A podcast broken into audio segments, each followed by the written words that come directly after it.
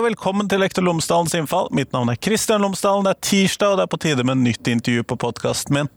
Denne uken snakker jeg med førsteamanuensis Trude Havik ved Universitetet i Stavanger. Hun har nettopp gitt ut bok om skolevegring. Om de som ikke, rett og slett ikke klarer å få seg til å møte på skolen. Nå snakker jeg ikke om skulkerne så mye, men om de som ikke klarer å møte på skolen. Vi skal ta også snakke om uh, dette. Vi skal snakke om de som skulker. Vi skal snakke om andre frafalls- og fraværsproblematikker. Vi kommer også inn på kompetanse på mål, med mer. Før vi kommer så langt, så tenkte jeg at jeg skulle gi dere en litt sånn innblikk i podkastens hverdag. Fordi at mens jeg tar opp dette, så står jeg mellom relativt stolte fjell inne i Sunndalsøra i Møre og Romsdal, hvor jeg er for å holde tale i forbindelse med humanistisk konfirmasjon.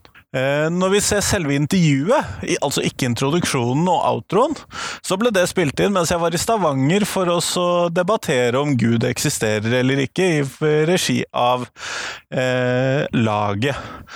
Altså i forbindelse med deres skepsisuke. Sånn at det er et lite tidshopp her mellom introduksjonen og mellom selve intervjuet.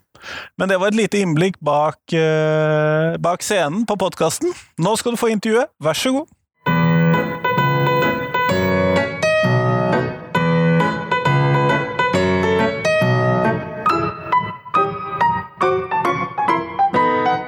Tusen takk for at jeg har fått lov til å komme på kontoret ditt, Trude Havik. Takk for at du kom. Eh, før vi starter selve podkastintervjuet, kunne du ha fortalt meg og lytterne tre ting om deg selv? Ja, jeg er nettopp blitt tilsatt som førsteamanuensis. Det er liksom det kjedelige på Læringsmiljøsenteret ved Universitetet i Stavanger. Jeg er, som dere hører, trønder og har bodd i Stavanger nå i snart 20 år. Jeg er veldig allsidig. Eh, glad i å snakke. Eh, engasjert i det jeg tenker er viktige ting for barn og unge. Jeg har eh, jobba som hatt sånn frivillige verv i ganske mange forskjellige anledninger. Så jeg har vært veldig sånn, aktiv i, i Stavanger turistforening. Så jeg har vært turleder i mange år for Barnas Turlag. Jeg har vært støttekontakt i mange år. Jeg har en datter som nå er konfirmant. Så jeg lever veldig tett Nei, eh, tett barn og unge, sjøl om jeg sitter på et kontor. Eh, og vet litt hva som rører seg der ute. Um, jeg er utdanna spesialpedagog, og det er det jeg har doktorgrad i. Og har jobba i skolene. Ikke nok. Burde ha jobba der mer for å kan ha mer tyngde i det som jeg mener. og, og å forske på, men eh, jeg har jobba som spesialpedagog og lærer i skolen. Og så har jeg jobba fem år i PP-tjenesten som leder og spesialpedagog før jeg starta her på senteret. Um, ja. Du skulle ha god bakgrunn til eh, når du skrev doktorgraden, med andre ord? Ja, jeg har i hvert sånn- fall eh, en del erfaring før jeg begynte, og det tror jeg er nyttig, for det ehm, du vet litt mer hva som rører seg. Det er noe med å ha kjent at hvor skoen trykker. Mm. Og det er jo nettopp hva skal vi kalle det, bearbeidelsen av doktorgraden din som uh, vi skal starte å snakke litt om her i dag. Fordi at du har gitt ut en bok. Ja. Kan du fortelle hva den handler om? Ja, det er ei bok som, um, som har hovedoverskriften skolefravær. Um, men den er primært handler den om elever som vegrer seg for å gå på skolen. Som vil gå, men ikke klarer å gå. Liksom, men, men, samtidig så har jeg løfta fraværstematikken opp i den boka. Eh, sånn at den handler ikke bare om skolevegring, men forskjellige typer skolefravær. Eh, og grunnen til det var at eh, det er lite norsk litteratur på temaet, og behovet for kompetanse er stort. Eh, og det har jeg merka etter jeg var ferdig med doktorgraden, at det er veldig mange som henvender seg til meg både med råd, mødre, fedre som ringer, PP-tjeneste, skoler, som sliter når fraværet har vart lenge. Eh, og så er det mange som ønsker at jeg skal komme og holde kurs, eh, og, og til og med den en kjedelig doktorgrad selv ganske godt sjøl, men er på engelsk. Og som du vet, en doktorgrad er jo ikke så lett tilgjengelig, så jeg ønska egentlig å, å få omskrevet det arbeidet som jeg har drevet med, eh, pluss en del arbeid jeg har gjort etterpå, sånn at det var lett tilgjengelig for folk som jobber med barn og unge, og folk som eh, kanskje òg for foreldre. Ja, for det er jo ingen tvil om at vi møter mange forskjellige former for eh, fravær og manglende evne til, eller mulighet til å møte opp på skolen. Mm. Eh, vi som er lærere, både i videregående skole, men sikkert også lavere ned, der har jeg ikke testet ut så mye selv. Mm. Eh, men hva vet vi om de som ikke kommer på skolen? Tenker du hva, hva, det er, hva, det er, med dem, eller tenker du om hvordan det går med dem? Eh, La oss starte på det første. Ja, Nei, fordi det, er, det, vi vet, er jo at de er veldig forskjellige. Og du kan ikke du kan ikke si at sånn er en skolevegrer og sånn er en skulker, men vi, det er noen kjennetegn med f.eks. en elev som vegrer seg for å gå på skolen, som vi kaller da skolevegring. Som ikke er en diagnose. Sant? Det er også noe med når kaller du eh, et barn en skolevegrer? Altså, det er mer en type beskrivelse av noe. Eh, men det vi vet, er jo at det er elever som er, er utgangspunktet motivert for skole, er flinke på skolen, ønsker å gjøre det godt, ønsker å gå på skolen, men det er et eller annet i dem. Et ubehag, en angst, en redsel som gjør at de ikke klarer det. Så det er de ungene som vil, men ikke klarer. Og foreldrene gjør det de kan for å klare å få ungene på skolen, men makter det heller ikke.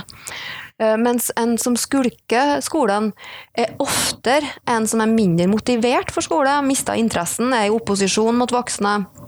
Foreldrene kan de lure. Foreldrene tror de har gått på skolen, men så møter de heller kompiser. Ja. Eh, eller går og legger seg i senga når foreldrene har gått. Eller, altså, Men vi eh, merker det veldig tydelig at de ikke møter på skolen, sånn at vi vil jo se det. Det som, du, det som er felles for all type fravær, er jo at de ikke møter. Men så er det da å finne ut hva er grunnen til det. Og det kan være forskjellig. Men hvis en da ringer hjem tidlig til foreldrene, så vil oftere foreldre til en skulker tro de har gått, mens oftere så vil foreldrene til en som vegrer seg, vite at de er hjemme. Ja, det kan jeg se er en forskjell.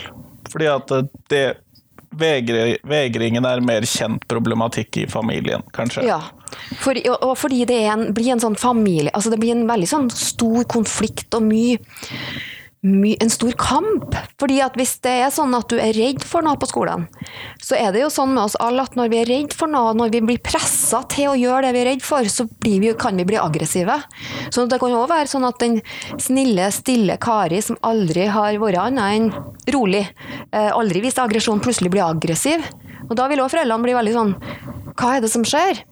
Eh, men noe av de første som elever som vegrer seg for å gå på skolen, eh, klager på, er at de har vondter. De skylder på at de har vondt i magen, vondt i hodet, er syke, må være hjemme. Og da er det jo fort gjort å si ok, da er du hjemme. Eh, men så kan det jo være at det er starten på en vegringsproblematikk. Det kan være starten på sykdom, men hvis det er starten på vegringsproblematikk, så er det viktig å tidlig kontakte skolen og få kartlagt hva på en måte som har Om det har skjedd noe på skolen, og òg likeens at foreldrene må prøve å tenke gjennom har det skjedd noe hjemme mm. i venneflokken, med barnet. Sant? Altså, en må på en måte være åpen for at det finnes grunner. Ikke bare i skolen, ikke bare hos barnet, ikke bare hos uh, familien, men i en kombinasjon. Ja, nettopp. Mm. Ja, fordi at dette med sykdom er jo ofte en tillatt grunn til å være hjemme, henge hjemme, ligge på sofaen. Ja, og så er det da Hva er å være syk? Det er forskjellig fra familie til familie. I, i min familie så er det sånn at uh, syk er du når du har høy feber og spyr. jeg kjenner igjen det fra min egen far. Eh, ja, og det har mange av oss som har vokst opp før, før, eh, i tida, før i tida eh, som hadde en sånn mye mer strengere norm på sykdom. Vi har blitt litt mer slepphendte på det. Og det tror jeg er bra, fordi det er mange som burde ha kommet seg på skolen med et puff. Eh, fordi det er stor forskjell. Noen ville sykemelde ungene sine med vondt i hodet. Vondt i hodet kan være at du kjenner på noe, men det trenger ikke å være noe alvorlig. Og ofte så er det hvis du har vondt en plass, så kan det være bedre bare å komme seg ut av døra.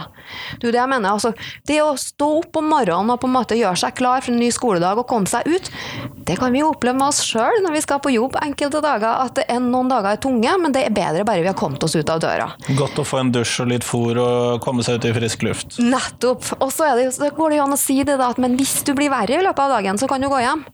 Og så tar jeg og ringer eller sender en melding til lærer og sier vet du, i dag var ikke Kari helt i form. Kan, hvis hun blir verre, så kan du ta en prat med henne. Det aller beste er å ikke sende dem rett hjem, men å ha en plass å gå på skolen. Da, I et rom, er noen å snakke med. For det kan være bare en liten ting som må må bli, at de må bli trygga på, kanskje, som gjør at de har lyst til å gå hjem. For det er, det er der fravær avler fravær. Og hver dag og hver time fravær gjør at terskelen blir større for å komme tilbake. Det er sånn med oss sjøl når vi er vekk fra jobben. Og så Jo lenger vi er vekk, jo vanskeligere å komme tilbake. Hvis ikke sko, arbeidsmiljøet vårt er, vårt er trygt og godt. For det er klart at det kan ikke forvente, eller vi kan forstå at noen har lyst til å være hjemme hvis læringsmiljøet de skal gå i hver dag, er vanskelig.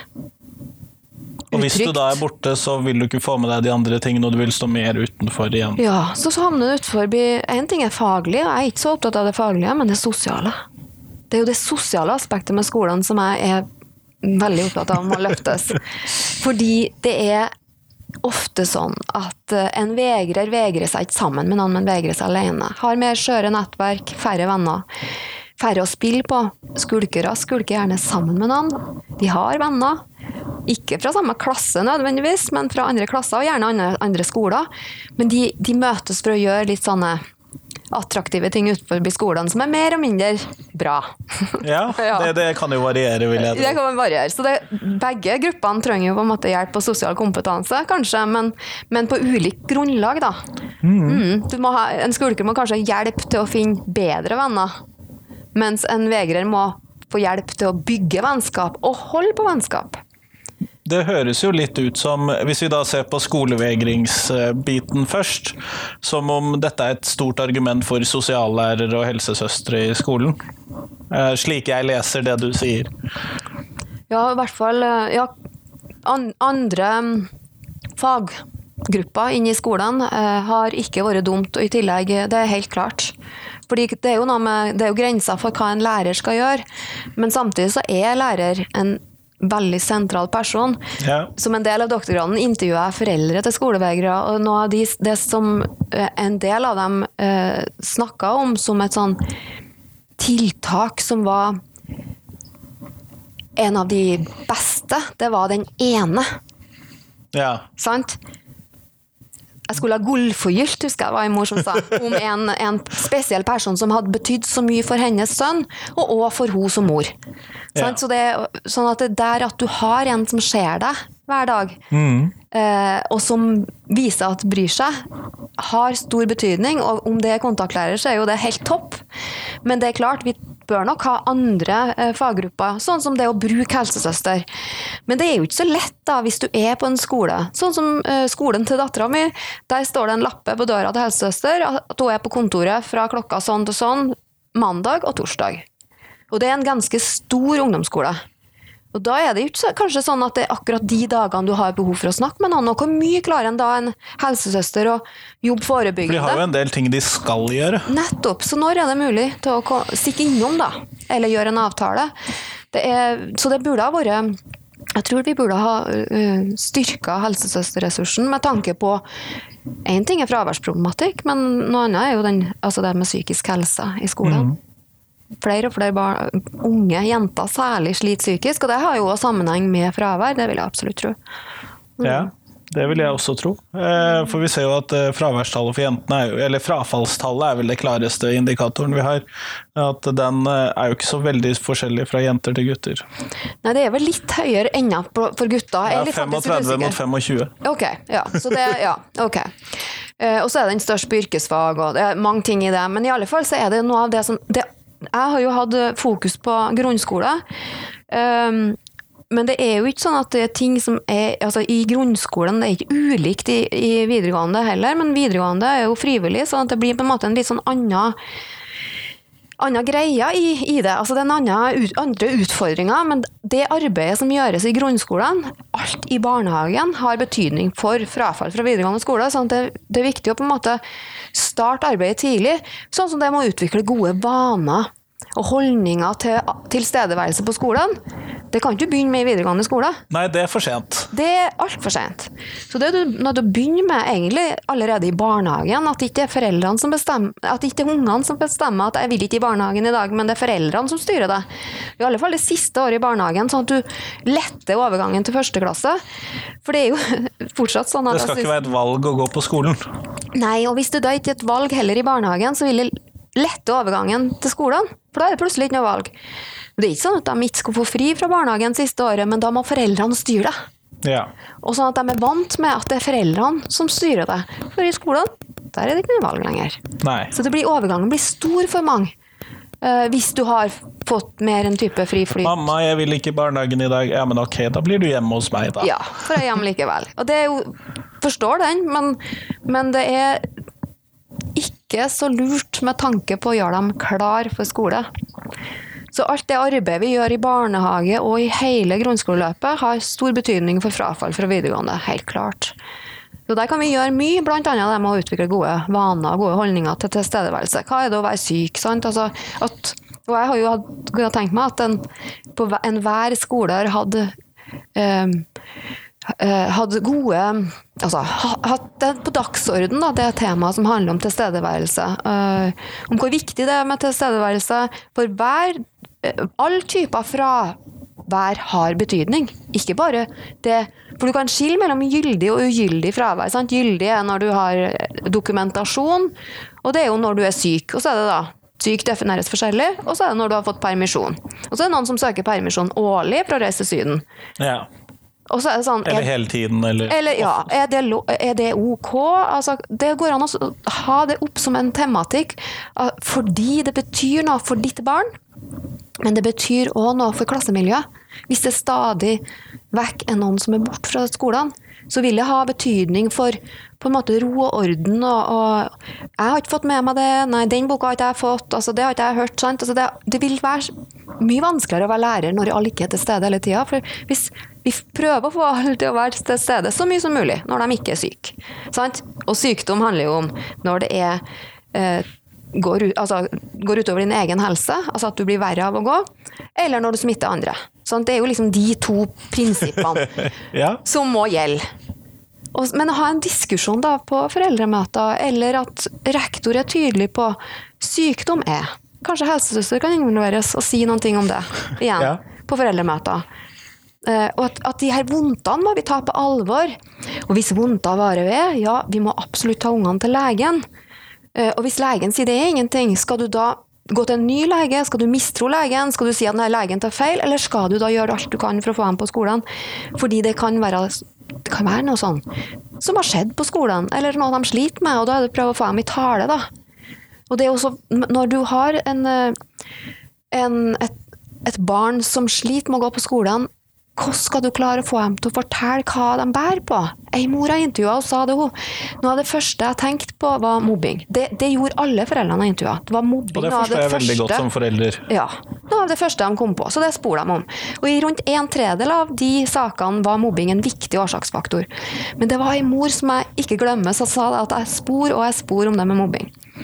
Nei, nei, nei, det var ingenting. Og hun Eh, mange år etterpå så har de gått forbi etter å ha gått ut av skolen, så har de gått forbi skolen, og så sier jenta 'mamma, det her er ingen mobbefri skole'. Da kom det. Og så er det liksom, Hvordan kunne du ha fått tak på det tidligere? En ting er hva skolen observerer, og, og, og det er ikke lett å observere alt som foregår. Vi skal jo ha kontroll på 30-500 elever i en eller annen variasjon der. Og hvordan legger vi merke til det her, de blikkene, utestenging, snu ryggen, alle de her skjulte, skjult mobbing som foregår, som er så finurlig at det er vanskelig å se hvis ikke du har lært opp blikket ditt veldig til å se etter det. Eh, Men hva skal du som mor og far gjøre? Og det jeg har god erfaring med å få unger til å prate, er å, som jeg sa innledningsvis, jeg har vært turleder i mange år, altså det å gå på tur. Unger prater, de forteller. Kjør en tur for de som ikke liker å gå. Så der du, der du slipper å sitte ovenfor hverandre og kikke på hverandre, men en går ved siden av, eller en sitter ved siden av hverandre, så kommer praten mye lettere. Hvor det er naturlig rett og slett å bare ha noe å fordrive tiden med. Fordi vi blir på en måte mer sånn. Friere i, friere i tanken. Altså det blir ikke en sånn stiv 'nå skal vi snakke sammen', 'nå må du fortelle meg', men ja. Jeg kjenner jo at jeg får angst bare av, den, av det siste scenarioet der. Av det siste. ja, den derre 'nå skal vi Nå snakke skal vi prate', ja. Mm. Eh, Så det forstår jeg jo at man ikke får mye ut av elevene på. Ja, så da er det det at, ja, eller, eller som mor og far heller. Altså, det, de, de gangene du det Plutselig kommer det når, det når tida er der, liksom. Men, men så er det jo hvordan vær, altså Spør mest mulig konkret. Altså, ikke vær så vag heller, men prøv å være litt sånn konkret om hva, som, hva de skal gjøre. Hvis ungen ikke vil gå på skolen, hva skal dere gjøre i dag? Altså, Vær mer konkret på hva og når og hvem skal være der. Altså, kanskje det kommer. Ja, for hvis det er én utløsende faktor, hvis det er den matteklassen, eller hvis det tilfeldigvis er at man blander grupper i mat og helse, f.eks., et eller annet. Ofte så handler det om ustrukturerte aktiviteter i skolen. Gym er et sånt fag, som er et av de fagene som er vanskelig, fordi det er mye eksponering i faget. Det er mye, altså Alle ser hva du kan og ikke kan. eh, Og du har garderobesituasjon der du skal skifte om, dusje. Det er mange ting i det her som kan være veldig sånn skremmende for mange elever. Og det er et av de fagene som en kanskje kan spørre om. Og involvere gymlærer når en skal kartlegge. Glemt gymtøy gang etter gang etter gang kan bety mye. Det kan bety at de hater gym. det kan det. Men det kan òg bety at det er noe i gymtimene som gjør at det er vanskelig. Det kan være, Hvis det da handler om utestenging, mobbing, så er jo det litt fri flyt i garderobesituasjonen. Fordi hvis du har en mannlig lærer, skal du gå inn i jentegarderoben osv. Så, videre, så det, det er en del ting der som Men det er hele likevel tatt- mulig å gjøre noe med. det går an å gjøre noe med. Det er det jeg mener. Det, og det trenger, når, hvis en tidlig uh, får en god dialog mellom hjem og skole, så skal det mindre til for å klare å løse det. Fordi at Hvis du finner ut hva det er, altså til å sette i gang Det kan være lette tiltak. Det trenger ikke være snakk om, fordi at snakk om det med å ha ressurser. Det handler kanskje ikke om ressurser, men da handler det mer om at en har nok kompetanse til å vurdere hva tilrettelegginga kan gjøres for å redusere angsten, engstelsen og skape mer forutsigbarhet og trygghet. For det er noe av det som er nøkkelen for elever som vegrer seg for å gå på skolen. Forutsigbarhet i utvida grad, sosialt og faglig. Og det kan være så enkelt som ja, du skal få slippe å lese høyt i timene. Men det betyr ikke at når det kommer en vikar inn, så vet ikke vikaren det, så må du lese høyt likevel. Da kan ting ha snu seg fullstendig og bli skikkelig vanskelig. Eh, Eller at du skal få slippe å presentere gruppearbeidet foran klassen, men du skal ikke slippe. Du skal ikke slippe å lese høyt heller, men du skal få gjøre det i en tilrettelagt situasjon. Enten til meg som lærer, til noen andre som jobber i skolen, eller til en gruppe med elever. Sånn at de slipper ikke unna, for hvis det er sånn at du er redd for noe, så øker jo angsten hvis du holder deg unna det. Men hvis du er jevnlig i det, så, så reduseres angsten, for du får på en måte mestringsopplevelser og mer trygghet. Men det handler jo om å skap trygge situasjoner som gjør at eh, de klarer å mestre. Og, òg kan bli målt på hva de kan og ikke kan. For ellers er det jo angsten som måles hvis du skal ha en presentasjon foran klassen og du er livredd. Ja, Og flykte fra situasjonen, eller Ja, og ikke møte opp, Ja. eller, eller stikke av akkurat da, eller må på do, eller har plutselig vondt i magen. Og det kan vi jo få. Jo. Alle og enhver, når vi skal gjøre ting. når vi er redd. Eh, Jeg har sjøl opplevd det, at jeg har hatt så mye angst eh, foran presentasjoner at jeg har trodd jeg var sjuk. Mm. Og, det er helt, eh, og når jeg er ferdig, så er jeg jo ikke syk. Så skjønner jeg jo at det er jo faktisk den redselen som er så sterk at du det slår seg i kroppen. Mm. Så det er jo ikke sånn at de, de tuller når de sier de har vondt. Det kan være reelt. Det kan være en unnskyldning i begynnelsen, men etter hvert kan det bli reelt. Så det er jo ikke sånn at du skal da liksom si at si at ikke, ikke lytt på det, men, men uh, ta det på alvor. Men som lærer i videregående så er jeg jo veldig glad for det du sier med tanke på dette her med særlig fremføring, for det er jo en problemstilling vi møter ofte. At uh, elevene kommer og sier at nei, vi på min uh, jeg slapp å ha fremføring, jeg har aldri hatt fremføring for noen før. Og da kommer de etter ti år i norsk skole, som er en av de mest sånn, prosjektorienterte skolene i verden, så vidt jeg har forstått. At, uh, at du ikke har presentert, er jo hårreisende. Men at man da har At man har et spekter med muligheter. Det er ikke bare ikke presenter eller presenter, fordi at, eh, at det går an å legge opp en opptreningsskala her. Det handler jo om gradvis eksponering til det du er redd for. Det er jo sånn det, det er jo en sånn god type jeg trenger ikke kalle det terapi, men mer en sånn tilnærming da, til ting du er redd for. For det er klart at da blir jo sjokket stort. Ja, når du kommer jeg- og skal to ganger i uka skal presentasjoner oppe hos meg. Det, det er jo det er fælt. Så nei, ingen skal slippe. Men, så lenge det er sånn det skal være. Er mer et spørsmål om det trenger å være så mye presentasjoner. Eh, det, det er jo et spørsmål. Jeg, jeg forstår jo ikke det. For hvem ruster dem til arbeidslivet? Har det noe med det å gjøre? Det er ikke så veldig mange yrker som har sånne type presentasjoner som en del av sin arbeidsdag, men det er jo noen. Sånn som vi som jobber med forskning. Ja. men det er ikke så mange av oss, så, eh, så det, er en, det er en annen, annen sak. Mm. Ja, metodevalget der blir jo For det skal jo være relevante metoder. Mm. Men hvis vi ser på litt grann over til disse skulkerne Fordi de krever vel andre tiltak enn disse vegrerne som vi nå har konsentrert oss om? Ja, og det Jeg har forska mest på vegring, og har brydd meg mest om vegring i ettertid. Eh, Mens, men kan si det sånn at en, en som skulker skolen, eh, har trolig gradvis mista engasjementet for skolen. Skolen er kjedelig. Skolen er, betyr ingenting. Uh, Sånn at da handler jo om å på en måte få dem engasjert igjen. Det er òg viktig med den der gode kontakten med den ene læreren, selvsagt. Eller med den ene ansatte. Uh, Like viktig, for det er like viktig for alle. Men, eh, og ikke noe mindre viktig heller for, for en som skulker. Men, men det er det der at det er ikke den angsten som må reduseres, men det kan jo være, hvis de har skulka lenge, at de har en form for uro, angst knytta til å komme tilbake. For da blir klasseromsituasjonen veldig annerledes igjen.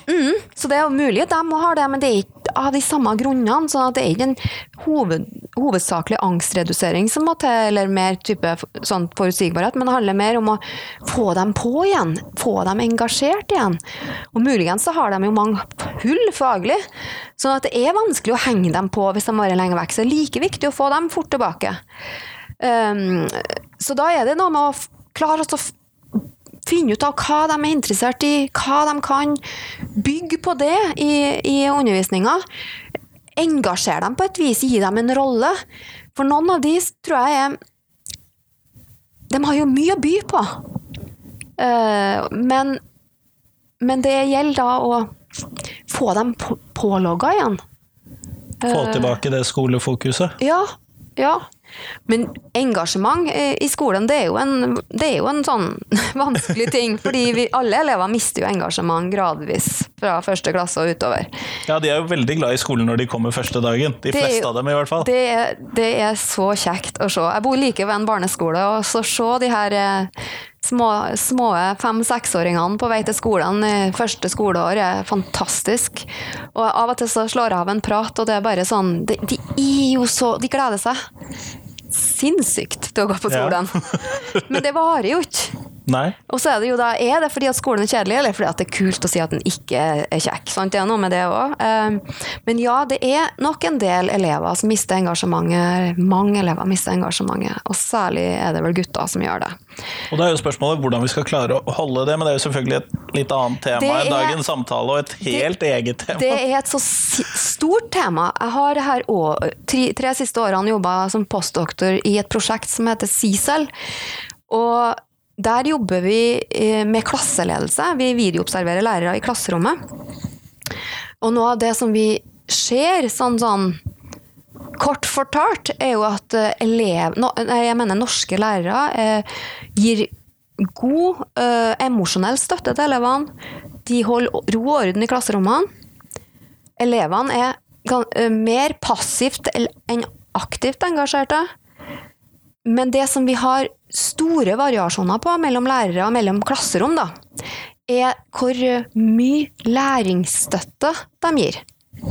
Altså hvordan Og det handler jo litt om hvordan du på en måte utfordrer faglig, og får elever til å bruke tidligere kunnskap, eh, bruke deres eh, eh, Altså, bruk deres opplevelser som ungdommer. Altså det å ta Få huka det på liksom i undervisninga, sånn at en knytter tidlig, altså kunnskap til egne erfaringer eller egne opplevelser i det å være ung i dag.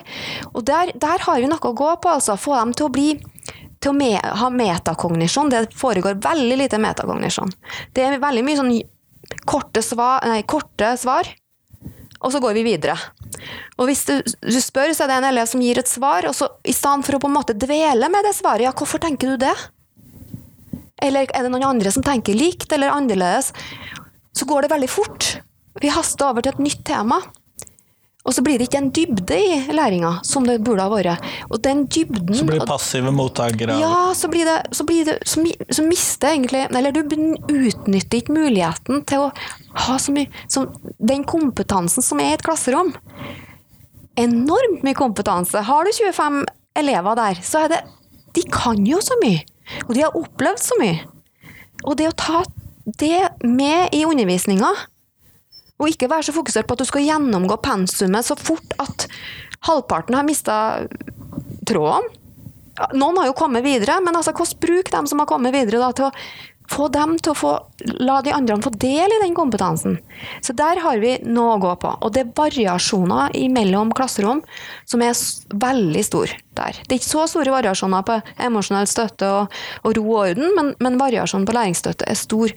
Og da blir det jo litt, da er jo litt prislig gitt læreren din. For jeg tenker også at hvis du får elever, eller får, er god i læringsstøtte, så holder du opp engasjementet. Eh, du er mer aktivt engasjert. Og det er kjekkere å gå på skolene. Og så er det jo mye Hvis jeg bryr meg om hva du kan fra før, og, og prøver å hente ut det i undervisninga mi, så viser det at jeg bryr meg om det. Og vi Så får da sett du- mestringen, og vi får Ja. fått bekreftelse på hvem vi er som personer. Og så. Ja. Og du blir sett, sant? Du blir sett. Og de andre ser deg. Og så kan det jo være at du er egentlig en bråkmaker òg. Så ser de at øh, det er noe mer enn en bråkmaker. Men det er klart at det er jo Hva er det som gjør at ikke det er at variasjonen er så stor der? Det det er ikke jeg helt sikker på. Hvorfor er variasjonen så stor? Er det fordi at den er så styrt av pensum, at den skal gjennom det og det og det? Altså at det er så travelt? Så mange kompetansemål, så mange mm. ting som skal med på eksamen. Ja, og at det, at det blir veldig sånn fokus på at det, vi skal ha en prøve, og den skal være sånn. Så, om det, jeg vet egentlig ikke hva det handler om, eh, men jeg hadde ønska at vi har fått større fokus på det som handler om læringsstøtte i skolene, for det tror jeg har løst mye av det som også handler om engasjement og, og, og, og kjekkere å være der. Men eh, dette høres ut som en helt annen virkelighet enn den som jeg har hørt fra norske politikere de siste 20 årene. Fordi Oi. at det, jo, men det jeg er oppvokst med og blitt eh, hørt mens jeg gikk på barneskolen, og ungdomsskolen og videregående og på universitetet, var det at eh, vi sliter med klasseledelse. At vi sliter med det å styre klassen og lede dem fremover, og at det er det vi sliter med. Her høres det ut som at vi ikke klarer å nå helt fram med selve læringsinnholdet, kanskje, mer enn og lærings... Kanskje det blir mer ro og orden hvis du klarer å holde Og det vil det antagelig også bli. Det blir det, vet du. Sant? Fordi da er, da er folk Altså, da er elevene mye mer på, ja. pålogga, fokusert. Uh, uro. Hvorfor, skal, hvorfor oppstår uro? Fordi de kjeder seg? Ja. Dårlig klasseledelse. Ja, klart. Altså, jeg sier, for klasseledelse Klasseledelse kan bestå av de tre komponentene, altså læringsstøtte, emosjonell støtte og organisatorisk støtte. Men vi har snakka bare om de to. Ja. Og vi har ikke snakket så mye om den andre, men den er en del av det. Hvis en, hvis en bruker Det er en som heter Robert Pianta i Virginia, som har utvikla sammen med sine kollegaer et eh, observasjonsverktøy som vi bruker når vi analyserer klasserom. Og den eh, har de tre grunnpilarene. Og Det kan jeg se gode argumenter for sånn helt umiddelbart, så Ja, og det, og det, det er veldig, veldig spennende, men det er òg utfordrende. eh, For det er en litt sånn annen måte å tenke på klasseledelse. Men, men sånn som vi ser eh, de, når vi observerer klasserom, så er det er det ganske god organisatorisk, eller ro, god ro og orden i de klasserommene. Men klart at De kan jo selvsagt bli litt påvirka av at det er et videokamera der, og at det er noen i klasserommet. Men som oftest så venner de seg til det. For vi er der fire ganger. Og, og det det blir fort kjedelig, det òg. Ja, til slutt så venner jeg jo til det, sånn at du, du glemmer deg litt ut. Men, men det er klart at det er en del klasserom, eller lærere som sliter med, med klasseledelse, sin klasseledelse. Det er utfordrende å være lærer, og det er et stort mangfold blant elever. 20-30 sprelske barn og unge, unge som du skal klare også å få til å gå i én retning. Ja, prøv det den som vil. Derfor sitter jeg på kontor. Jeg bruker å si det. det. Det, er en grunn for at jeg har valgt å bli forsker isteden. Nei da, det er tull. Eh, veldig givende å være lærer. Vanskelig å være lærer. Eh, krevende. Eh, og det som er noe av det mest skumle med det å snakke om det temaet og det å ha fokuset på skolen sin rolle i forhold til For det er jo det jeg har tatt doktorgrad på. Skolen sin rolle i forhold til fravær og skolevegring. Altså, det er jo ikke sånn at jeg ønsker at skolen skal lærere skal bli tynga ned med mer, men jeg er mer opptatt av at det er så mye du kan gjøre innenfor det du allerede gjør, hvis du bare blir mer bevisst på de små tingene.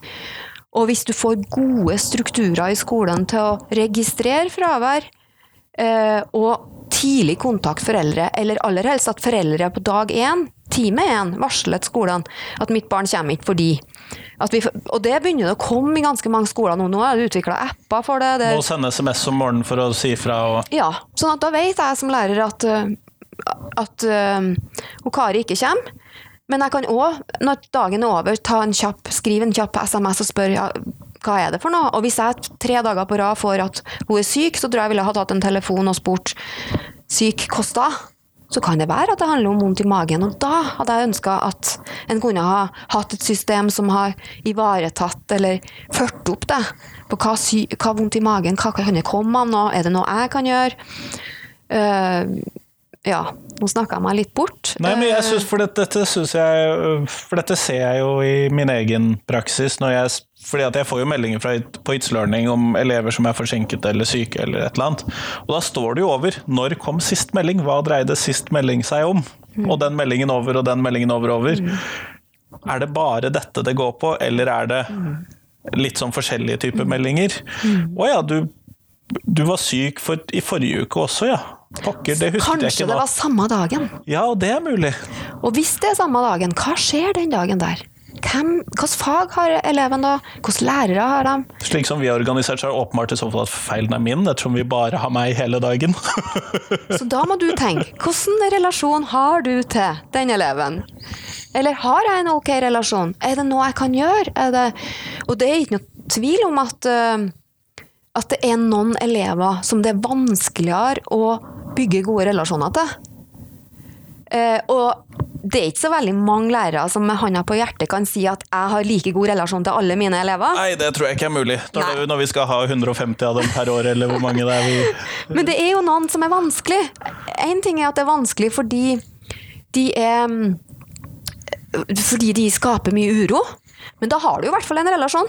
ja, og urolige elever. Jeg syns det er kjempegøy. Det er mye lettere å be noen om å sitte stille og holde munn, enn det er å få de opp. Nettopp. Og det er de elevene det er snakk om når det gjelder skolevegring. Da. Det er de elevene som er de som det er vanskelig å få i ordet, vanskelig å få aktiv, eh, som gjerne skjuler seg under hettegenseren, eller som skjuler seg under langt hår, eller altså sånn. Det er vanskelig å nå inn. Og det er de elevene jeg tror vi trenger mer kompetanse på. Hvordan bygger vi gode relasjoner til den type elever, som gir så lite feedback? Gir, altså som, som, når du snakker til dem, så får du ikke noe ordentlig svar, kanskje et nikk, og så er det liksom Ja, hva blir det neste da? Uh, og det Der har ikke jeg noe svar, men noe av det det handler om, er i hvert fall å ikke gi seg. Og fortsette, og bare fortsette om ikke du får feedback. Bare stå på. Uh, det når inn. De hører det, men det er ikke sikkert de responderer. Uh, så det er jo da Hvordan gjør vi det? Men ja. å ha da et eh, fora i skolene der en snakker om hvordan er det å bygge relasjoner. For ja, relasjonsbygging, det er jo sånn åh, Det har vi snakka om i så mange år nå. Mange lærere er jo, jo skitleie av det. Ja. skal du snakke om det igjen? Sant? Ja, men det er faktisk nøkkelen. Gode relasjoner. Og gode relasjoner til til de, de fleste, det er ok, men det er til de færre. Hvordan gjør vi det? Har vi et fora vi kan snakke om det på skolen? At jeg har slitt i en time med relasjon til en elev. Uh, sånn også, altså, at du kan da Denne utålelige eleven i 3G. Ja. Hvordan grusomme skal vi klare å like vedkommende? Ja. Jeg, jeg klarer ikke eleven. Og er det lov å si det? Ja, i et sånn lukka fora så må det være lov å si det for å få hjelp og råd til hvordan hva, skal, hva, er det neste jeg kan gjøre? For alle har, jo, alle har jo noe godt i seg, og det er jo ikke en tvil om at alle har. Men det er ikke alltid så lett å oppdage det hos alle. Og så hender det jo at vi mennesker låser oss litt. Ja. ja, for vi har jo møtt den typen før, og da vet vi jo hvordan de er. Altså, det er jo, vi, vi setter jo folk i båser, og det er jo noe med Det handler jo om forenkling av, av den komplekse virkeligheten, så, så det, det, er greit. ja. Eh, men det, vi må ikke låse oss, vi må på en måte prøve å åpne opp og være ærlig på, på det. Eh, det ble jo gjort en undersøkelse på oppdrag av Nå husker ikke jeg helt hvem det var, men i alle fall så det, viser den at fire av ti lærere har en yndlingselev. Og er det et problem? Det har jeg faktisk ennå ikke konkludert med, om jeg syns det er et problem nei, eller nei, ikke. Nei, men bare, det var mer en sånn du ikke ja. svar på det, men, er, men det har jo òg noe med Bygger du annerledes relasjoner, da? Ja. Vil de andre se det? Ja. Eh, kanskje. Hvis ikke du er god på å skjule det, men det er jo veldig fort gjort at de merker det. Og hvis du har en yndlingselev, hvordan vil de andre Altså vil klassen da oppføre seg overfor den yndlingseleven? Eh, det, kan, det, det, spørs jo litt hva type yndlingselev det er. Eh, jeg var sånn derre yndling til lærere, for jeg var jo så pliktoppfyllende at det var i gru eh, når jeg sjøl gikk på skolen. Eh, å være godlunge, som jeg ble kalt, det var ikke bare kjekt. Nei. Og godlunga ble ikke eh, behandla på en så bra måte. Den som alltid rakk opp hånden og ja, Nei, men alltid gjorde, gjorde Ja, vis fram bøkene, se hvordan Trude gjorde det, altså, se den skrifta. Du var ikke den som også sa 'skal vi ikke ha lekser i dag', lærer? Ja, sikkert. Det kan godt hende. Jeg håper ikke det var så galt som det, men det forundrer meg ikke. Det er den sikreste måten å bli populær på. Uh, ja, men i alle fall. En av de. Men altså, det er ikke noe kjekt å være den heller, for jeg ba jo aldri om det. Jeg nei. ba jo aldri om det. Det var bare Jeg var ivrig og, og likte skole. Men det, hvis at jeg som lærer tillater meg å behandle elever ulikt, og bygge relasjoner ulikt, så gir vi òg elevene tillatelse til å behandle hverandre ulikt. Og da er vi inne på god klasseledelse og, og forebygging av utestenging og, og, mobbing og trakassering. Altså, Fordi du som lærer har så mye makt. Og, og, den makta er det så fort gjort at den, uten at den tenker på det, har, gjort, altså den har gjort noe som, som gjør at de andre kan få tillate seg å hogge på den eleven. Fordi at jeg er kritisk hver gang du kommer. Kommer for seint igjen. Er det ikke mulig å, å, klare å komme tidsnok for en gangs skyld? Altså Hvis jeg er litt sånn, så ja, OK. Mm -hmm. Ja, men da er det mulig at vi òg kan være litt sånn. Jeg ser den. Jeg ser den. Så det er igjen bevissthet refleksjon. Ja. Det skal være hardt å få til dette her, ordentlig.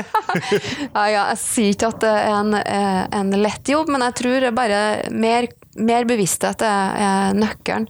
Og mer um, prioritere temaet uh, fra skoleledelse. Uh, og snakke om um, hvor viktig det er å registrere fravær i alle timer, tidlig kontakt foreldre. Eh, og tidlig iverksette tiltak, fordi fravær avler fravær, jo mer fravær, jo vanskeligere er det å komme tilbake.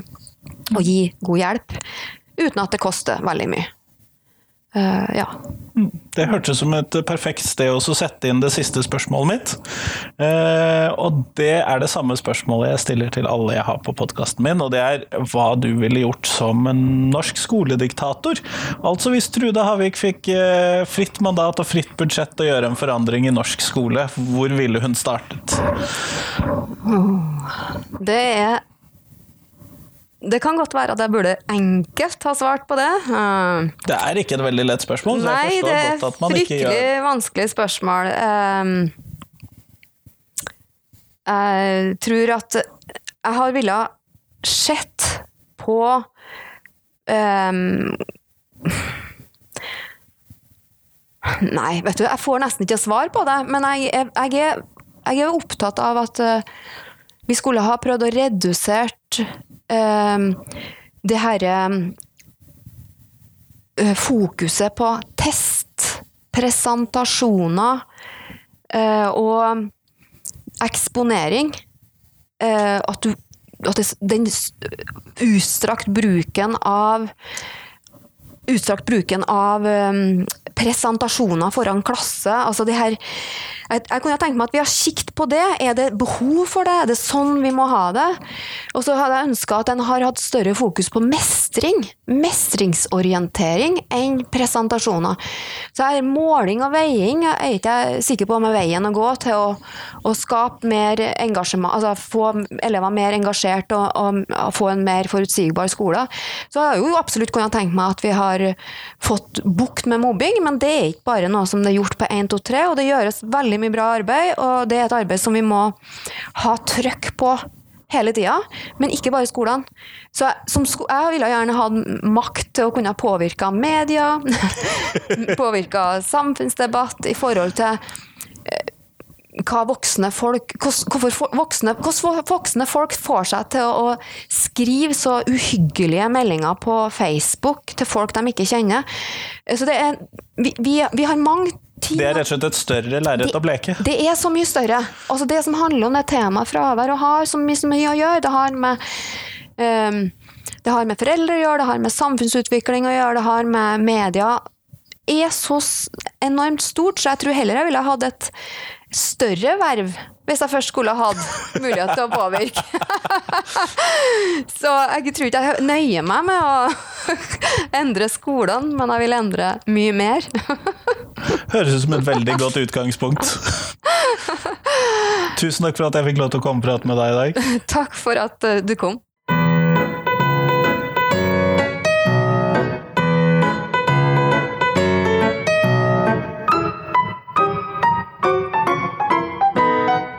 Tusen takk til Trude, og tusen takk til deg som hørte på. Nå er det en uke til neste intervju. Eh, det gleder jeg meg til. Da skal vi bl.a. høre om skjønnlitteratur i samfunnsfag. Det tror jeg egentlig blir ganske bra. Det er et spennende tema.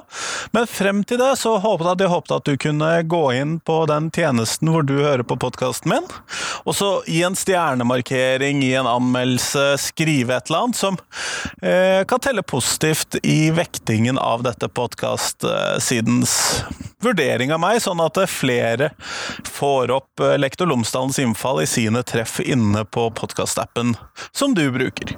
Eh, det gjør det lettere for meg å spre podkasten utover, og det hjelper meg veldig mye. Men frem til neste uke, ha en god uke. Hei, hei.